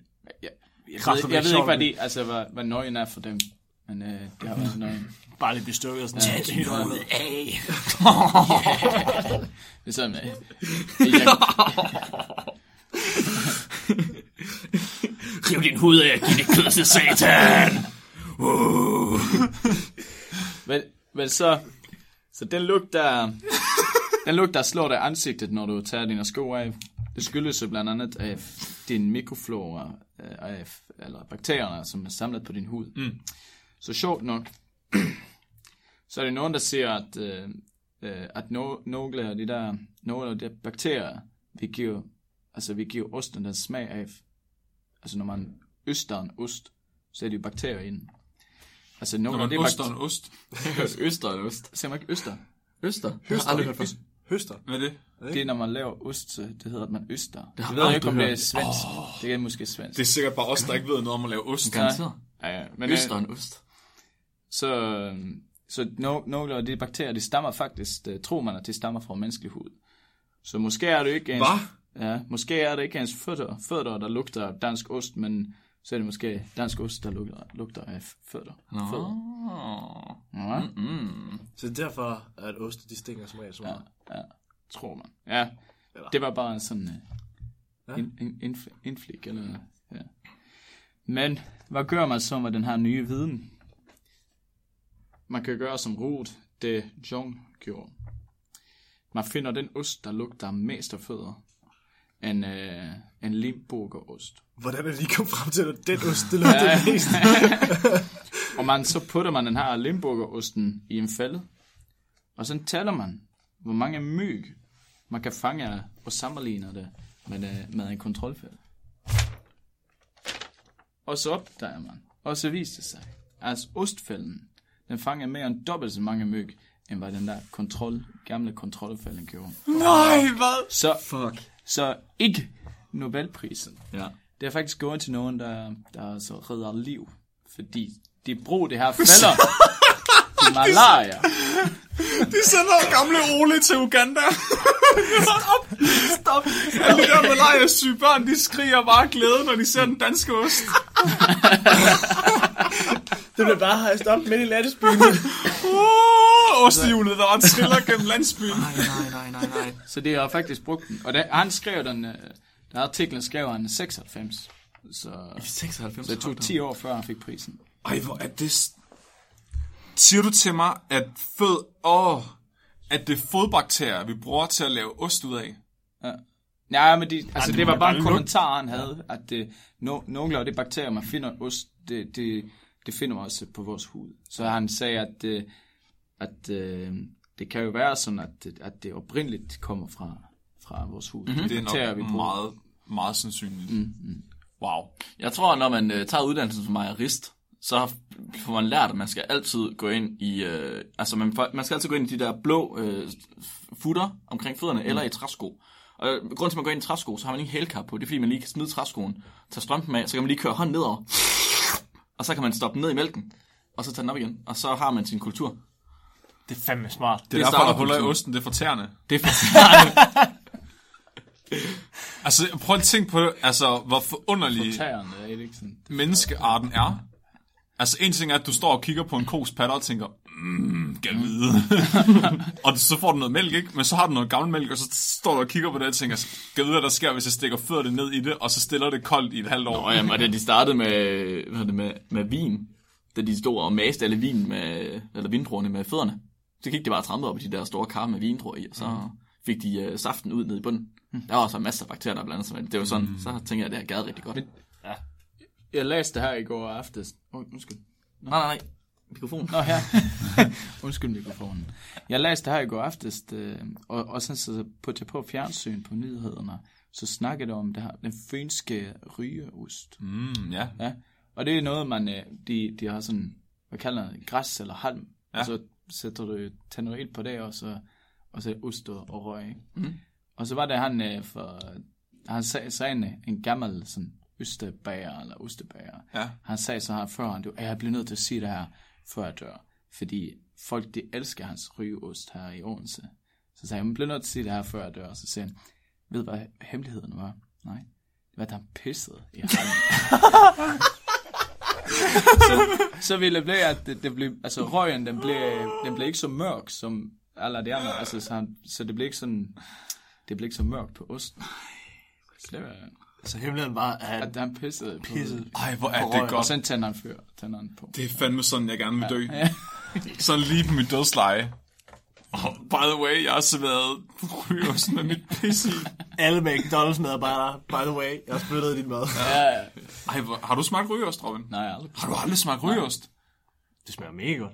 Wow. Jeg Hvad med. Mark? Du har smagt rygeost. Det tror jeg faktisk ikke. Du har smagt meget. Jeg har smagt meget ost, ja. Jeg kan huske, at jeg ikke lige at have smagt fyns rygeost. Oh my god. Jeg er ret god til vi er ost. vi er det eneste inkarnerede fynborg ved det her bord lige nu, Frederik. Jamen, vi, jeg, jeg er jo Jeg er jeg inkarneret Fynbo. Hvad? Jeg er jo inkarneret Fynbo. I er jo faktisk fynboer. Ja. Nej, faktisk tøsing. Det er næsten det samme. Men vi har også rygeost. For os i de andre landsdele er det det samme som at være fynbo. Vi skal have en rygeostdag. Okay, Ja, tak. det var vi. Hvor Ja. vi skal ryge vores egen ost. Altså, Ja. Øhm, ja, jeg har taget en artikel med. Øhm, den handler lidt omkring øh, med det her, når man skal finde en mage og så videre. Øh, den handler jo så om de her seksuelle signaler, man sender mellem køn. Øh, og så har de så prøvet at teste, om det også eksisterer i den biologiske verden. Øh, og overskriften på den her øh, artikel, den hedder Chickens prefer beautiful humans. Uh. Øh, og det er ikke noget spørgsmålstegn, det er bare et fact, de sætter. Øh, Jeg vil godt, inden Ja. ja. vi går i gang, så vil jeg godt øh, have lov til at henvise til, var det sidste afsnit, eller forrige afsnit, hvor Flemming han øh, fortalte om, at jeg havde stået med Flemmings høne, som var meget glad for mig. Det er jo tydeligvis, fordi at jeg er et smukt menneske. Ja, den kunne jeg lide. Den, Den kunne bare... virkelig ja. godt lide mig. Den blev faktisk så nervøs, at den sked på mig. Det er Fordi, rigtigt. Altså, Jeg tror, det var ægte kærlighed. det tror jeg nemlig også. Ja. ja. Ja, men øh, de har jo nogle forskellige hypoteser. De har for, for eksempel en, der hedder Made Quality Hypothesis. Og det, og det er den, de så prøver at smide over på, og, på dyr, om der også er sådan en biologisk, øh, rent biologisk ting. Øhm, yes. Men øh, de har jo sådan set, når de arbejder med de her kyllinger, så sk- har de valgt øh, seks kyllinger, hvor fire af dem er hunder. Og så skal de så have trænet de her hunder til at gøre noget bestemt, ligesom menneskene. Øh, så det, de har valgt at gøre, det er, at de har trænet de her høns til at hugge, prikke ind på en touchskærm øh, for at få foder. så de har øh, haft, øh, de har først lavet øh, nogle billeder, så det her det er en artikel fra Stockholm, så det er de der skøre svenskere, ikke Robin? Ja, ja, ja. ja. Skoven. Ja. Øhm, så de har taget øh, 35 mennesker, og så har de merged dem øh, ind til et billede, sådan, så de får de mest karakteristiske træk fra mænd, og mest karakteristiske træk fra hunder. Og så er de så trænet ved at vise det her ene billede for, øh, ned for den her hønsegård, og så er det hænder- hænderne, de skulle så hugge på det, når der var en kvindebillede, og hunderne skal hugge på det, når der blev vist en mand. Mm. Hvad nu, hvis det var homoseksuelle høns? Har de taget højde for det? Nej, det, det tror jeg ikke, de har taget højde for. Øhm, det, men det, vil- ja, Altså, Det, det er vel lige meget, hvis de både har vist mænd og kvinder, så tager de vel højde for alle seksualiteter. men så er han ikke lige, at kokkene de Ja. skulle prikke på kvinder, Nå. og hønsene ja skulle lige prikke præcis. på Så de, mænd. de, bliver nemlig, de får nemlig øh, deres foder. Så inden de starter det her eksperiment, så sørger lige for, at øh, de her høns ikke har spist i 12 timer, så de er rigtig sultne. Ja, det er klart. Så lige øh, Så har man sådan en gang øh, hungry øh, høns der, som bare er både liderlige og sultne, bare virkelig, altså... Ha- hangry. Nej, det er, når man er, det er, når man er, hvad hedder det, det er, når man er sur og sulten. Nå. Når man er hungry, så er man horny og hungry på samme tid. Men hvad nu, hvis du er en hane og hungry? Ja, nej, det er en dårlig joke. Super dårlig joke. Det kan vi ikke, nej. Ja, men, Men øh, godt forsøgt. så når de hugger på den her plade, så, øh, med, så tester de så, øh, om, om, om de hugger rigtigt. Og så får de, hvis det, hvis det bliver rigtigt, så bliver skærmen så hvid, og så kommer der noget foder til dem. Mhm. Og hvis de hugger forkert, så bliver den bare ved med at vise dig, indtil de stopper i sådan 10 sekunder, og så bliver skærmen sort, og så kommer der så et nyt billede. Mm. Og det er den måde, de har trænet de her høns til at kunne identificere, om det er en han eller en hund. Ja, Jeg synes, det perspekterer meget godt til nutidens ungdom, som har, øh, når man går på McDonald's nogle dage, ja. så er der ikke længere ekspedienter. Nej, det så jeg var, det er rigtigt. Ja, så har man øh, iPads i stedet for, at man kan trykke på dem. Ja. Jeg tror, det er det samme der. Så går de hen, og så prikker de bare med næsen. Hovedet. Så giver de bare den der øh, iPad'en øh, en skalle, og så kommer der en burger ud. cheeseburger. Jeg tænkte lidt mere på, at det er som om, de lærer hønsene at bruge Tinder. Sådan noget hønsetinder. Men, i, men interspecies hønsetænder. Ja, Så imellem øh, arter. det er 2018. Det, nå ja, undskyld. Det er min. Mark. Men alligevel, så må det, haner kun kigge på kvinder, og høns må kun kigge på mænd. Det er det, jeg mener. Altså, min farfar, han har engang haft en lesbisk høne. Hvad? Det er rigtigt. Seriøst? Ja, den hoppede op. Altså, I ved, når høns de øh, knaller, så tager hanen, han siger bare lige, øh, øj, der går en høne, og så springer han op på ryggen af den, og så hakker han den i nakken, og så sætter han sig fast. Og så, så gør han lige sådan her. Jeg tror ikke, der var ret mange, der vidste det. Med, med, med, med kloakkerne ind mod hinanden. Ja. Og så øh, ud, uddeler de lige øh, safter. Okay. Og så hopper han ned igen. Med kloakkerne ind mod hinanden. Ja, Hvordan ser kloakken ud på en hane? det er bare et hul. Er det? Ja. Så de skider bare ned i hinandens røvhul, eller? Altså, det er sådan, jeg har forstået det. Jeg tror faktisk ikke, de har en diller. Nå, nej, det vidste jeg faktisk ikke. Aldrig tænkt over. Det havde jeg heller ikke. Men anyway, så havde han en høne, der gik og gjorde det med de andre høns. Så hun hoppede op på ryggen af dem, og så, øh, så lavede hun sådan hønse scissoring. med dem. Nej, nej, nej, nej, nej, nej, nej. Hvordan, hvor meget tror jeg, man kan tjene på Pornhub, hvis man filmer det og sælger det? Les- lesbian chicks getting on. Rough domination. ja. Nå, så de har trænet de her høns. Ja, øhm, og så øh, mens de er under træning, så har de så testet dem. Så udover de her gennemsnitsbilleder, de har lavet, så har de også haft nogle, hvor de har simpelthen manipuleret billederne, så de blev, fik mere mandlige træk og mere feminine træk. Og så er de også merged, hvor de har haft både mænd og kvinder merged med ind til et billede. Uh, okay. Og så har de så vist dem her, og så har de prøvet at teste, hvor mange gange de har prikket på den her skærm, og så hvor mange gange de, om det er så prikket rigtigt eller ej. Mm-hmm. Øhm, så for at sammenligne det med noget, så har de så taget øh, 35 studerende fra Stockholms Universitet, og så, øh, da de jo selvfølgelig godt kan genkende, om det er mænd eller kvinder, så har de fået dem til at rate dem fra en skala fra 1 til 10, de her billeder. Okay. Hvor attraktive de finder, finder dem ud, Ja. eller finder menneskerne ud. Og så fordi man ikke rigtig kan korrelere dem, så har de bare prøvet at lave en eller anden korrelation mellem, at hvis det er uattraktivt, så er det, er- svarer det til få prik øh, for høner, hønsene. Øhm, og så er, man sådan set, så er de kommet frem til, at jo mere attraktiv personen er øh, for hvad hedder det, menneskerne, hvis de synes, at personen er attraktiv, altså det modsatte køn, så har de her høns også prikket lige så mange, flere gange. Okay, så... Undskyld. Ja, ja, men øh, er det, så det du ser er, at det mere attraktivt, den er, mm. det mere, det mere altså, ligner det en kvinde eller en Ja, mand. så hvis du er en mand, så finder du kvinden mere attraktiv. Så det, må, det er med, mål på det modsatte køn. Ja, men altså, hø, altså hvad er det, hønder, eller kyllinger, de, de, de trykker på iPad'en flere gange, fordi de ved jo, at det er en, en mand eller en kvinde. Ja, så det er det, de bliver trænet til. Ja, og, men de studerende, de, de rater jo billedet, hvor attraktiv den mand eller kvinde var. Mm. Sådan, det vil sige, at altså, jeg mener det, jeg ved ikke, hvad, hvad jeg prøver at tænke her. Nej, jeg, jeg, jeg, jeg mener det så, at altså, hønder er, altså, det mere attraktiv du er, det mere ligner du en mand Nej. eller en kvinde. det tror jeg ikke. Ja, det, ja, det, ved, det ved jeg selvfølgelig ikke, men de har jo vist dem masser af Ja, billeder af mænd ja. og kvinder. Det er jo ikke det, det, er ikke Ej, det, det, de siger. det, det, de har vist, altså du, der er to billeder af mænd, der er sådan er mere og mere mandlige træk, og så to billeder af mere kvindelige træk, og så er det de der gennemsnitsbilleder. Så der er syv billeder i alt. Ja. Så hønsen har fået lov til at vælge, eller hvad? Jamen, de har fået det, det der merged billede til at starte med. Ja. Og så har de bare kigget, så det er den, de fik foder for at være. De har kun fået de der merged billeder, og så når de skulle teste den, så har de givet nogle af de andre billeder, og så se om de, om de ville gå hen til okay, og så er det bare billeder af mennesker, ikke? Øh, så har, nej, det er de manipulerede billeder ud fra det her. Okay. Så de blev, så fik mere større kindben og sådan noget. hvornår skulle de være kønnere? Det var, når de var ekstremerne, eller hvad? Ja, så når de blev mere ekstremt. Okay. Øh, fik Når de de kom- modsatte kønstræk. ja når de kom længere og længere væk fra de billeder, der overlappede. Ja, Okay. okay. præcis. Så de har også en, hvor de har merged mænd og kvinder øh, ind til et billede. Hvad hvis, okay, så hvad hvis de bare, nu, nu spekulerer jeg bare, hvad hvis du kun har taget to billeder? Et billede af en mand, et billede af en kvinde, og det var både en grim mand og en grim kvinde, og så har de merged dem. Så bliver det jo et godt billede. Minus, minus, giver plus, ikke? Det tænker jeg også. Ja. Så må det jo være det merged billede, som er det pæneste billede. Og ekstremerne, der er de, de grimmeste billeder. Det tænker jeg. Hvordan har de studerende hvad har de vurderet dem? Står der det? Øh, jamen, de har bare vurderet dem her fra en øh, skala. Men der står ikke, hvad de har vurderet hvad til. Nej.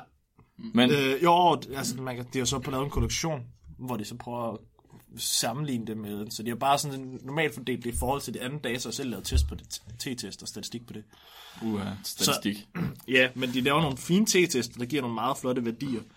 Øhm, men, men Og det er det vigtigste. og det, er det, og det er det vigtigste. Og, øh, men det sjove er, øh, der er jo selvfølgelig de her hypoteser, kan, kan mennesket egentlig ikke bare genkende ansigter, og så har vi den her, vi er jo vant til at se en masse mm. ansigter, så på, bliver det ikke påvirket af vores måde at vælge på, hvad vi rater dem. Så vi har jo set mange andre ansigter, hvor kyllingerne kun har set de her to. Mm. Okay. Øhm, ja. Var de Spørgsmål? enige? Øh, Var hønsene og de studerende ja. enige? Om hvem, der, om hvem der lignede en kvinde og en mand mest. Nej, nej, nej, om hvem der var pænest. Ja. Var det ikke det, de skulle teste? Hvem der var pænest, og ikke hvem der lignede en mand og en kvinde mest? Jo, de, altså, de skulle, jo, de skulle teste, at de, de ramte det modsatte sådan køn. Ja, man kan sige... kyllingerne, men mænd, eller menneskerne skal så vurdere, hvor, hvor godt attraktivt de ser ud. Så det er også sådan, at der, der- artiklen er mega dårlig. Jeg forstår ikke, hvordan man kan sammenligne det. Nej, lige præcis. Der er ikke noget sammenligningsgrundlag. Ja, det er jeg prøver at spørge efter. Jamen, jeg, jeg forstår godt, hvad du mener, Robin. Ja. Ja. Det gør jeg ikke. Nå. Det er fordi, jeg forstår det som om, at hønsen har fået vist den, den her sådan... Øh, det, den, det her merge-menneske, ikke? Mm-hmm. Og så ekstremerne, mm-hmm. mand og kvinde. Mm-hmm. Men de studerende har fået vist de billeder, der udgør de merged billeder, ikke? Så det er de billeder, der er blevet kombineret for at lave de merged billeder. Mm-hmm. Så hvordan kan du sammenligne de to grupper? Altså, hvordan kan du sammenligne de studerendes øh, vurdering og Ja, hønsenes det vurdering? forstår jeg heller ikke. Og som Det jeg forstår det, ikke. så selve eksperimentet med hønsene, det er, at de skal prikke, hvis... Så hønsene, det var dem, Ja. der havde prikket på mænd og fået øh, mad for det. Ja. Ja, så hvis de ser en kvinde, så prikker de mindre, fordi at det er ikke det, de får mad for. Ja. Så forstår jeg ikke. Hele, altså, hele ideen er, at man, man mener, at det er sådan noget neuronsk system, sådan mekanisk system, sådan urinstinkt, um, man vælger ud fra. så, det, okay, Så det vil de også teste på, om det gælder, altså at der er en sammenhæng mellem mennesker og kylling, hvilket de, eller høns, hvilket de så konkluderer. Oh. Med forbehold for deres hypotese. Øh, og de har to, som er sådan, de nævner. Øh, og jeg synes, vi skal starte med The Second, og jeg vil læse den op på engelsk. Der hedder, den ene forbehold er The Second, The evolutionary logic of the argument is weak. Hvilket er egentlig indebærer bare, at de mener, at den der evolution med, at man, man at jernmekanismen skulle være noget, der er separeret eller adskilt. Okay. Giver det mening? Måske. Måske det giver mening for lytterne. Ja, og det, den er meget mærkelig artikel. Den er virkelig dårlig, fordi man, jeg, jeg, jeg, synes, jeg undrer mig også meget over den, fordi øh, man kan ikke rigtig, jeg, kan, jeg kan ikke se, hvordan de kan sammenligne dataen, mm. øh, som de har gjort.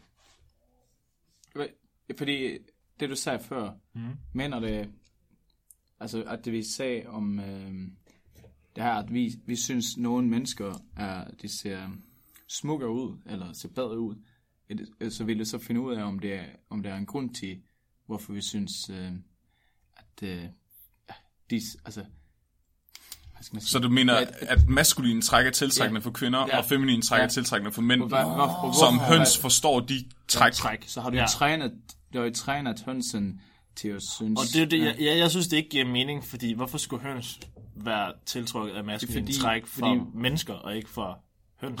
Jo, men fordi, øh, det er, er det ikke fordi, når de har trænet dem til Altså, det er, sådan, det er den måde, de spiser på, så det er jo meget essentielt, at de vælger den rigtige. Så ligesom vi har valgt partner, Men jeg tror, ja, jeg tror, ja, de, det er sådan et livsnødvendigt Ja, ja, ja. ja. træk. Ja. så... men jeg tror, de får mad, uanset hvem de vælger. Var det Er det ikke noget, det sådan? Nej, det var noget med en sort skærm. Altså, de, de, de, får ikke, de får kun mad, hvis de vælger øh, den rigtige. Nå, Ja, så forstår jeg det ikke. så det ikke Altså, det, ja. ja. Må jeg tilføje noget? Mm. Jeg har lige googlet chicken mating på Wikipedia, for at se om, hvordan de gør. Så øh, der står inde på Wikipedia, at øh, ofte så hanen, han laver forspil i form af at gå rundt og klukke. Hvorefter han hopper op på hønnen, og så sker overførslen af sperm med, at de trykker deres, deres kloakker ind mod hinanden. Stop, Flemming. Så det sker uden, pen- uden penetration. Men hvor, hvorfor hedder det så kok, når man ikke har en penis? Det ved jeg ikke. Det er godt, du stiller de rigtige spørgsmål, Robin. Har I nogensinde... Har I nogensinde oplevet, at jeg var sammen med en pige, og så siger hun, Ej, kan vi ikke, øh, kan vi ikke have noget mere forspil? Og så begynder du bare at sige,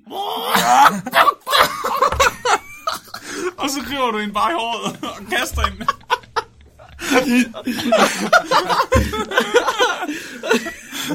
så trykker de røv om på hende. Og så prutter du. Så. Skal vi videre, Frederik? Ja. ja. Øhm, skal vi se. Så udover det her, så har de også et, et andet argument, der er, at for at indsamle de her data, de her data kan det siger de bare, at de her data kan godt sammenlignes. Øh, og så mener de, at øh, øhm, man kan godt, hvis man kan bevise, at noget har en korrelation, så er det faktisk op til de andre at modbevise det, for at det ikke er rigtigt. Mm, nej. Det er deres, det er deres andet argument. Nej. Så de har de her to argumenter med, at det ene er, at det er evolutionært dårligt øh, argument, og så har det med, at hvis man ikke kan modbevise det, så er det nok rigtigt. Hvad er det for nogle dårlige forskere? Er ideen ikke, at man stiller et forsøg op, så man Jo. selv kan modbevise et eller andet? Altså man stiller ikke noget op, så man bare kan sige, det her er rigtigt, vi skal andre skal finde ud af, om det er forkert. Det er ligesom Gud. Ja, Kan du bevise, det er at det han ikke findes? Ja, præcis. Ja. Det, det, kan, det kan du ikke gøre, altså. Ja, så det er, og det er det, det har gjort den her artikel, og derfor giver hele, hele artiklen overhovedet ingen mening, og overskriften giver heller ingen mening. Mm. Og ja, det er faktisk en virkelig dårlig artikel, men, Jeg kan godt lide den. Men det var godt, du tog den med. ja, men det er jo det er også svensker. Jamen, det er rigtigt. Frederik,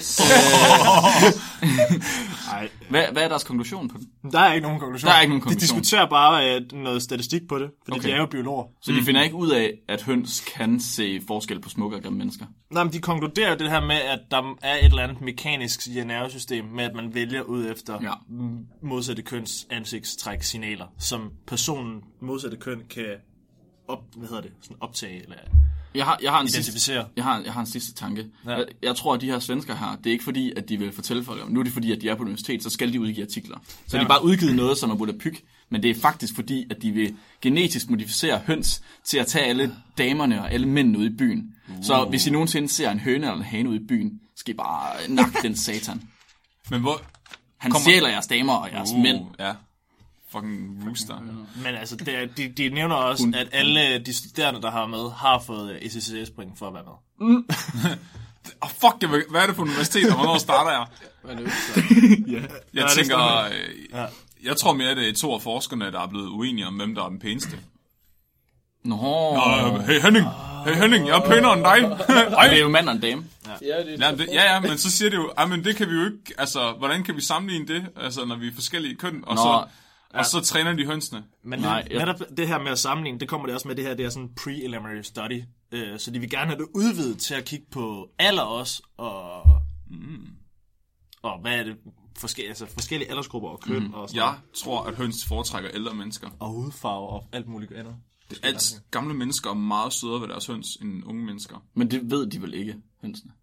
De er jo, det er jo blevet afledet til selekteret for, ikke? Nå. Men jeg forstår ikke, hvorfor man laver et forsøg på dyr, og så sammenligner det med mennesker. Hvorfor skal dyrene så ikke kigge på andre dyr? Og menneskene kigge på mennesker? Det giver ingen mening at sige, altså... Der er også nogle mennesker, der kigger på dyr. Nå, gutter. Konklusioner? Jeg har, jeg har lige sagt min konklusion. Flemming, hvad er din konklusion? Nej, jeg har ikke lige sagt min konklusion. At hvis du ikke kan lugte, en rev har pisset i din kop, så skal du ikke have en kælerev. Ja, enig. Hvad skal jeg have? Der er jo ikke nogen konklusion på den her. Har jeg det gode konklusion? At høns og haner overtager Er datinglivet. Ja. Er sexet? Uh, Tinder for høns er på vej. Uh, tænder på, på høns. Mm. Rom, hvad er din konklusion? Jeg har ikke fået... Uh... Jeg har ikke fået set den nu. Jo, jo, jo. Hvad er din konklusion? Det er, at øh, ost, øh, det, det, det redder liv. Ost redder liv. Og, og min konklusion, det er, at hvis man er sur på sin chef, så skal man gå på nettet Og afreagere på noget. og overreagere på noget. tak fordi I uh, hørte med i dag. Hør med igen. Og tak til Frederik, fordi du var Ja, med. Super ja, ja. selvfølgelig sagt. Det var Selv mega tak. fedt. Tusind tak, fordi du var med. Vi, uh... Køb vores ting. ja. Brug nogle penge på os. Godt. Jeg elsker det bare. Du har bare sådan en uvin energi med dig, når vi afslutter, når vi starter. Ja, ja. En god lyd, at de kom der. Ja, det er godt. Ja. Øh, lyt med næste gang, og så fortæl, for, fortæl, fortæl, fortæl for fanden jeres kammerater omkring spækbrættet. Ja. Om spækbrættet hedder det. Del, del os på Facebook, Ja, såvel som i livet. yes. Like os på Facebook. Som også vi deler os på Facebook og i livet. Og snakker vi om, at Flemming han var akavet i starten. Skal vi lige blive enige om, at han også er akavet, når vi slutter. Nå, men ellers så øh, ses vi øh, på tirsdag. Vi høres ved på tirsdag, og så husk at være dum. Ja, så send uh, dick pics på vores Snapchat. Har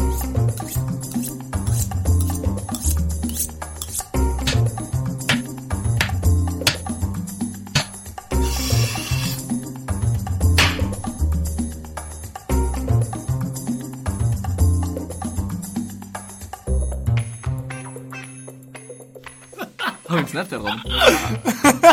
Spækbrættet har Snapchat. Har vi det? Ja. Nå, det vidste jeg ikke. Robin, hvad, hvad er spækbrættet Snapchat? Spækbrættet. Hvordan staver man det, Robin? Spade! Kan du ikke stave til spækbrættet? Jo. Det kan jeg. Jeg kan ikke udtale de her danske vokaler.